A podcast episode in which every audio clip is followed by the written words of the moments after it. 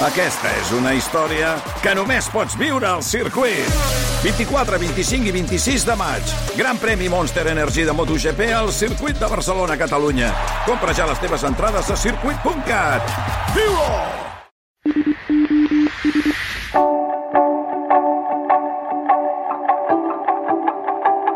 RAC més us ofereix Oxigen, amb Mònica Usart.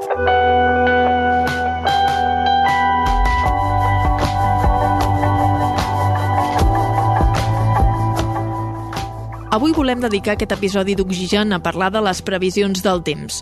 D'on surten, com es fan, han millorat amb els anys... Arran de l'existència d'aplicacions i de les xarxes socials, un gruix important de la població té accés a pronòstics. I no només això, sinó que també opina, critica i de vegades elogia les previsions i també els mateixos meteoròlegs. Per aquesta raó, avui hem convidat tres professionals del tema que formen part del Servei Meteorològic de Catalunya. Són la Sarai Sarroca, directora del Meteocat, el Santi Segalà, cap de l'àrea de predicció, i el Jordi Moré, cap de l'àrea de recerca aplicada i modelització. Benvinguts. Gràcies. Gràcies. A veure, comencem amb una pregunta que sembla molt simple, però probablement és molt complicada, que és què és un model numèric? Un model numèric, un model meteorològic de predicció del temps, és un conjunt d'equacions que descriuen la física de l'atmosfera. Llavors, la idea és que si nosaltres coneixem l'estat present, o sigui, el temps que està fent ara, aquest model és capaç de calcular quin és el temps futur, és a dir, com evolucionarà l'atmosfera. I es basa en això, en les lleis de la física que descriuen doncs, el, el, la nostra atmosfera.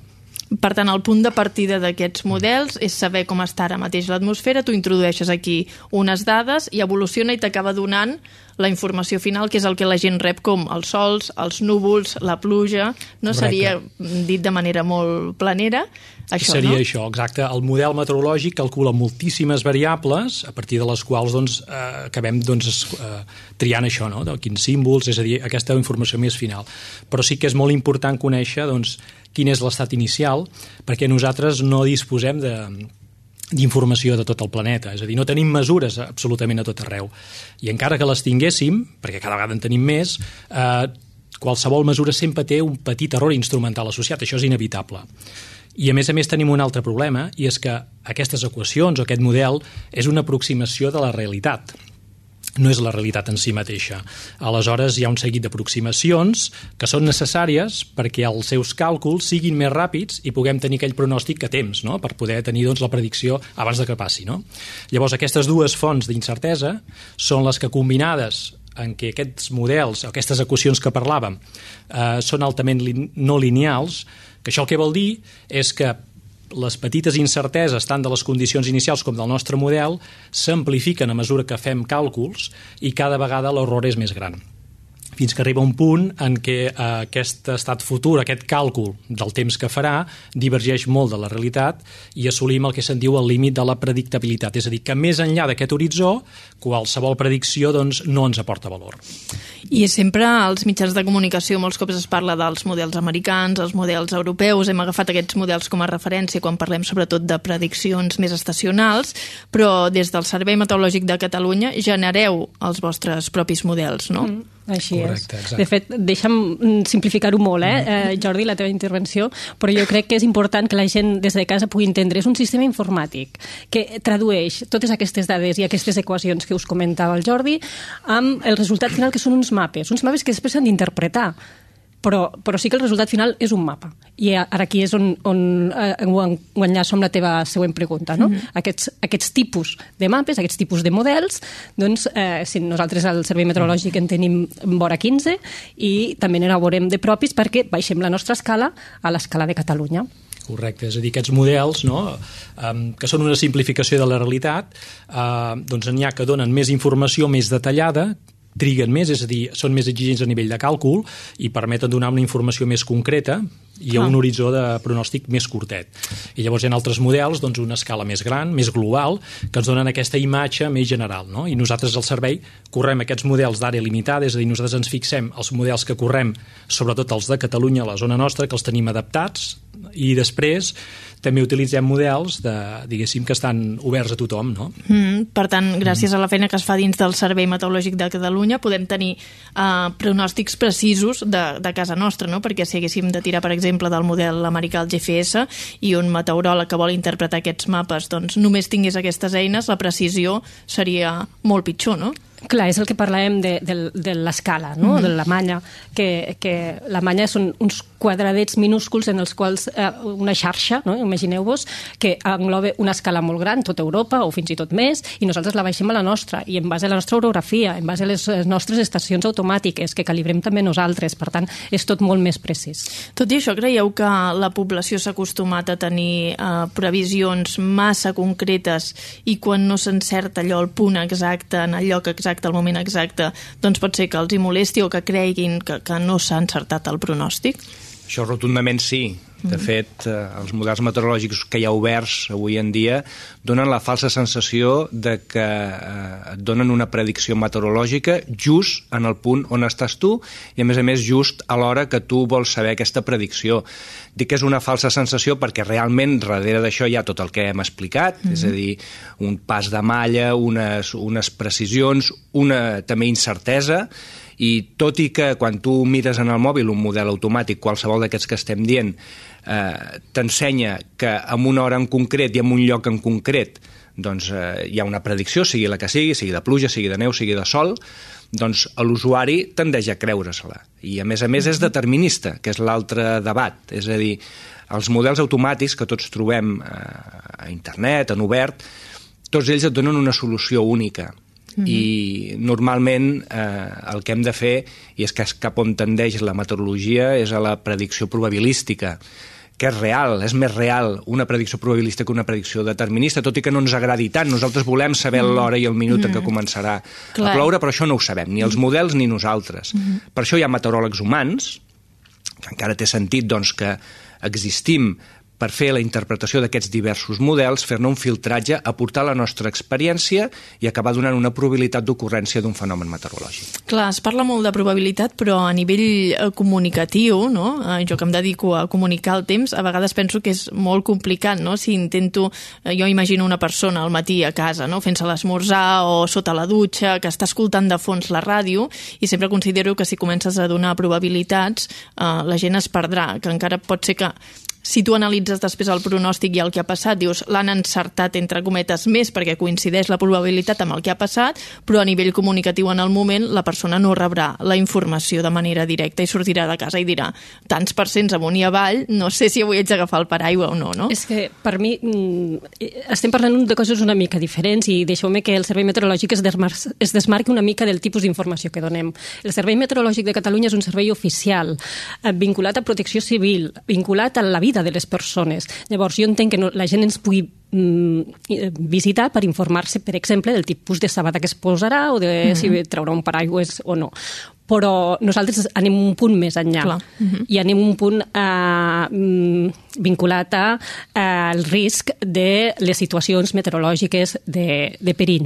Mm -hmm. Per tant, mm, crec que en aquest sentit sí que és més idoni parlar de probabilitats. Exacte, sí, sí, en aquest cas sí que seria més adequat, però potser en el cas de comunicar, a vegades has de trobar l'equilibri no? entre però la per informació... Això té, és a dir, eh, som un sector de la meteorologia, som petits, però cadascú té el seu rol mm -hmm. i crec que encaixa molt bé. Sí. Però crec que la societat ha de diferenciar el rol de cadascú, el del mitjà de comunicació, el d'un servei oficial mm -hmm. i eh, bé, el de xarxes socials on també hi ha gent aficionada, que està molt bé, però que també té eh, bé, el seu risc, perquè potser aquell aficionat no, no té una base eh, com la que tenim nosaltres en què hem passat no? per una carrera, per un màster, per Exacte. una, mm -hmm. una experiència professional anterior mm -hmm. i és una mica diferent. És eh, saber trobar l'equilibri. A vegades sí. ens deixem endur no? també pel xup-xup que pot fer una xarxa social i et deixes arrossegar. Jo, per exemple, a set dies vista poques vegades m'arrisco a fer un pronòstic, però si veus que tothom en parla, no? dius jo també hi pujo en aquest carro i acabes fent una cosa que potser no, no cal. Correcte, però de fet és la manera, diguéssim, més honesta o més uh, científica de fer aquests pronòstics i enllaçant una mica amb el que comentava al principi d'aquests models i que tenen aquest límit de predictabilitat. És a dir, que a partir d'un cert horitzó, que variarà molt de la situació meteorològica, del fenomen que estem estudiant, o d'allò que ens preocupi, pot canviar. És a dir, que, que no és una cosa que sempre és aquell el mateix horitzó, a partir del qual ja no podem dir o donar una informació correcta, no? Però sabent que hi ha aquest límit, doncs això justament ens ha d'ajudar a tenir un compte no? a l'hora de, de transmetre aquesta informació. I, de fet, per això, a nivell de modelització, es treballa amb el que es diu la predicció per conjunts, és a dir, no agafem un sol model, sinó que el que fem és o moltes realitzacions d'un mateix model, en el qual senzillament hem canviat una mica, hem pertorbat lleugerament les condicions inicials per veure com impacta, és a dir, com aquests càlculs en el futur van divergint entre si, o també corrent o analitzant diferents models alhora que tenen físiques diferents, és a dir, tenen característiques diferents i, per tant, donen escenaris futurs diferents. Mm -hmm. Aleshores, l'anàlisi la, estadístic de tots aquests escenaris futurs és el que ens dona una visió més completa del temps que ens podem trobar. Quan més semblants són aquests escenaris, ens dona una idea de que aquella situació és més predictible, és a dir, que podem estar potser més segurs a eh, atrevir-nos a dir doncs, aquest és el temps que farà d'aquí set dies i, en canvi, d'altres vegades veurem que hi ha uns escenaris molt dispars amb la qual cosa ens indicarà que la incertesa en aquell pronòstic és molt més alt i que, per tant, potser hem d'anar amb més cautela. Mm, vale. A més a més, s'hi ha d'afegir, mm. perdona, sí. Que aquesta predicció probabilística, com ha explicat el Jordi, va evolucionant conforme es van actualitzant els models, és a dir, va, pot anar canviant amb el temps que és el que va passar en el cas doncs, de, de l'episodi de la possible llevantada que a mm -hmm. 4 o 5 dies vista doncs, tots els models convergien més o menys cap un, una, una formació d'una depressió mediterrània que amb la situació de sequera és el que necessitàvem, sí. d'acord?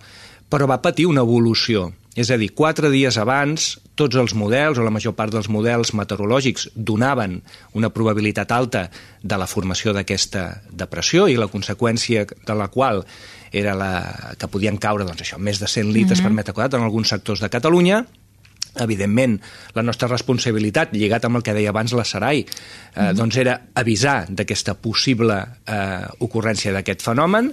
És el que es va fer, es va fer un preavís de 100 litres per metre quadrat quatre dies abans, però és que l'endemà, a tres dies vista de l'inici de l'episodi, els models meteorològics van canviar i ja aquest, eh, pateixen aquest canvi en l'actualització. Mm -hmm. I ja van rebaixar aquesta, aquesta probabilitat d'ocurrència dels 100 litres per metre quadrat. La nostra reacció no podia ser cap altra que la de anul·lar, la de cancel·lar aquest preavís. Clar. Ahir preveiem 100 litres per metre quadrat, avui ja no es preveuen es cancela aquest preavís.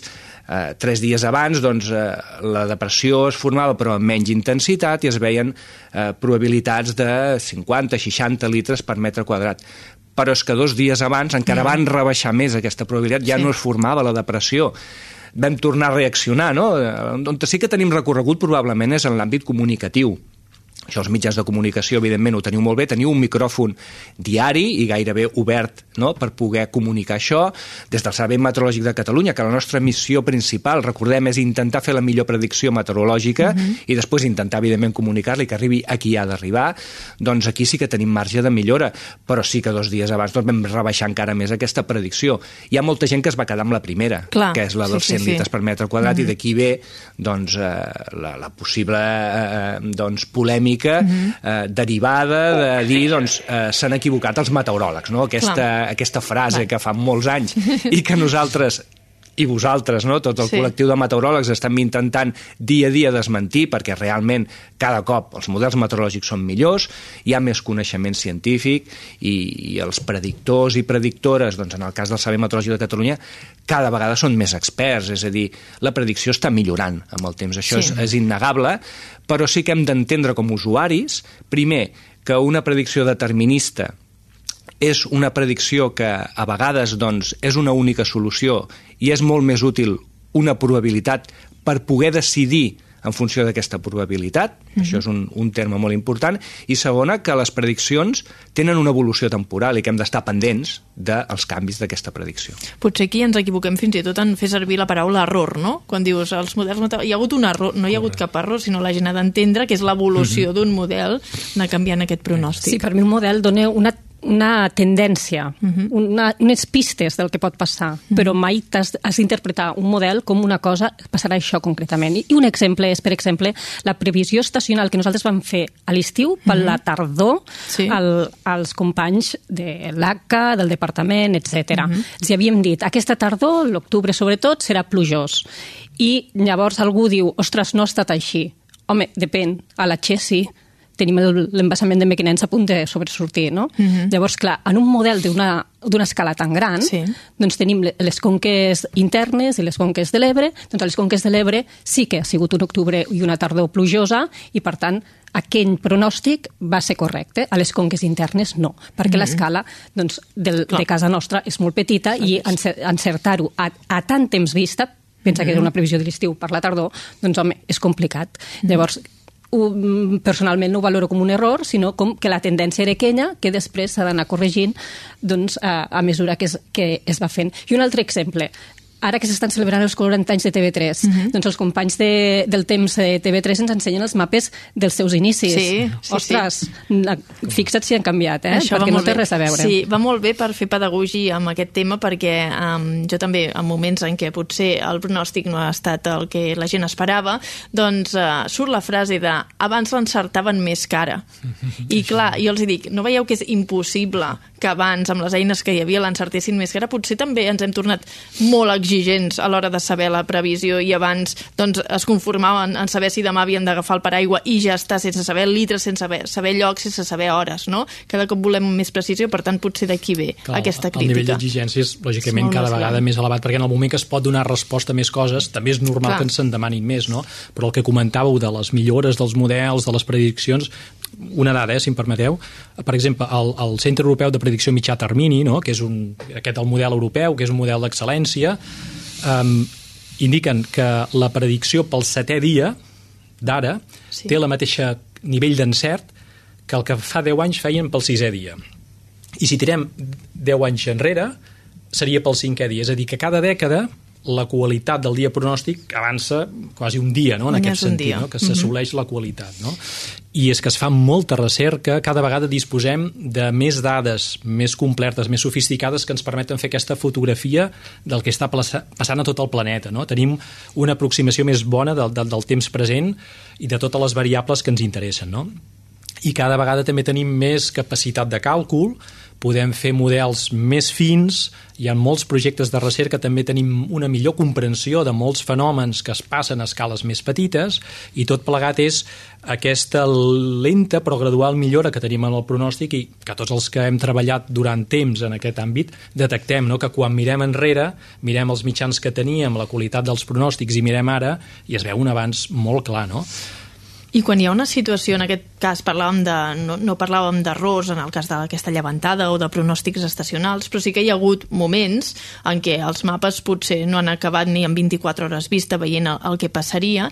Quan passa això, um, vosaltres dins d'aquests models introduïu canvis, no per tenir en compte aquest error, en aquest cas potser sí que es podria parlar d'error que, que hi va haver. És a dir, estan en constant desenvolupament, no són uns models que Correcte, tu facis sí. servir i no els canvis mai, no? Nosaltres els models que, que utilitzem, els que correm nosaltres i, i inclús els externs que també utilitzem, que s'utilitzen des de predicció, eh, fem un control de qualitat, és a dir, fem una verificació, és a dir, mirem aquests models que van pronosticar i ho comparem amb el que realment va passar. I això ens permet tenir doncs, això, aquest control, aquest seguiment de com de bé o malament van els nostres models, podem detectar en allò que fallen més, allò que potser hem de treballar per intentar millorar-ho i això és una informació bàsica per poder seguir avançant. No? Però inclús amb aquests escenaris que, que comentaves, no? eh, en el cas concret d'aquest pronòstic, no? o sigui, quan tenim molts escenaris eh, hem de buscar quin és el més el, és a dir, que tenim la tendència potser de fixar-nos en, en, en un únic model determinista, mm -hmm. però és clar, tots els altres escenaris amb les posicions de les baixes a diferents llocs també són igualment probables, no? De manera que és més fàcil, doncs, suposo, és que és complicat mostrar, no podem mostrar tants de mapes, no? Però sí que els hem de tenir presents perquè vull dir, realment aquell escenari també és possible, no? Per tant, doncs l'hem de tenir present a l'hora de, de tenir-lo en compte, no?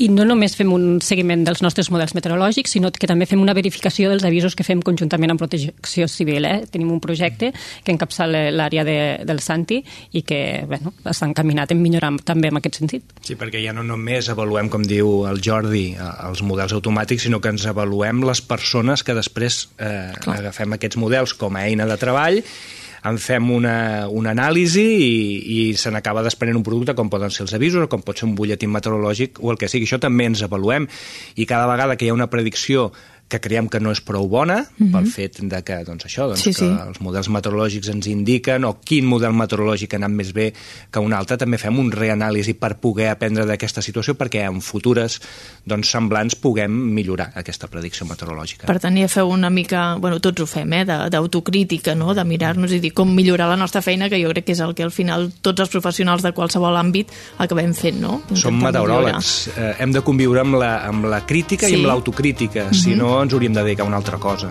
El tema és que potser l'excés d'informació de vegades crea desinformació, però en conjunt crec que anem pel bon camí. Clar que sí, doncs mira, amb aquesta idea optimista ens quedem. Moltes gràcies a tots tres. Sarai Sarroca, directora del Servei Meteorològic de Catalunya, Santi Segalà, cap de l'àrea de predicció, i el Jordi Moré, cap de l'equip de modelització. Moltes gràcies i que vagi molt bé. Gràcies. Gràcies. RAC més us ha ofert Oxigen, el podcast amb Mònica Usart i el disseny de so de Salva Coromina.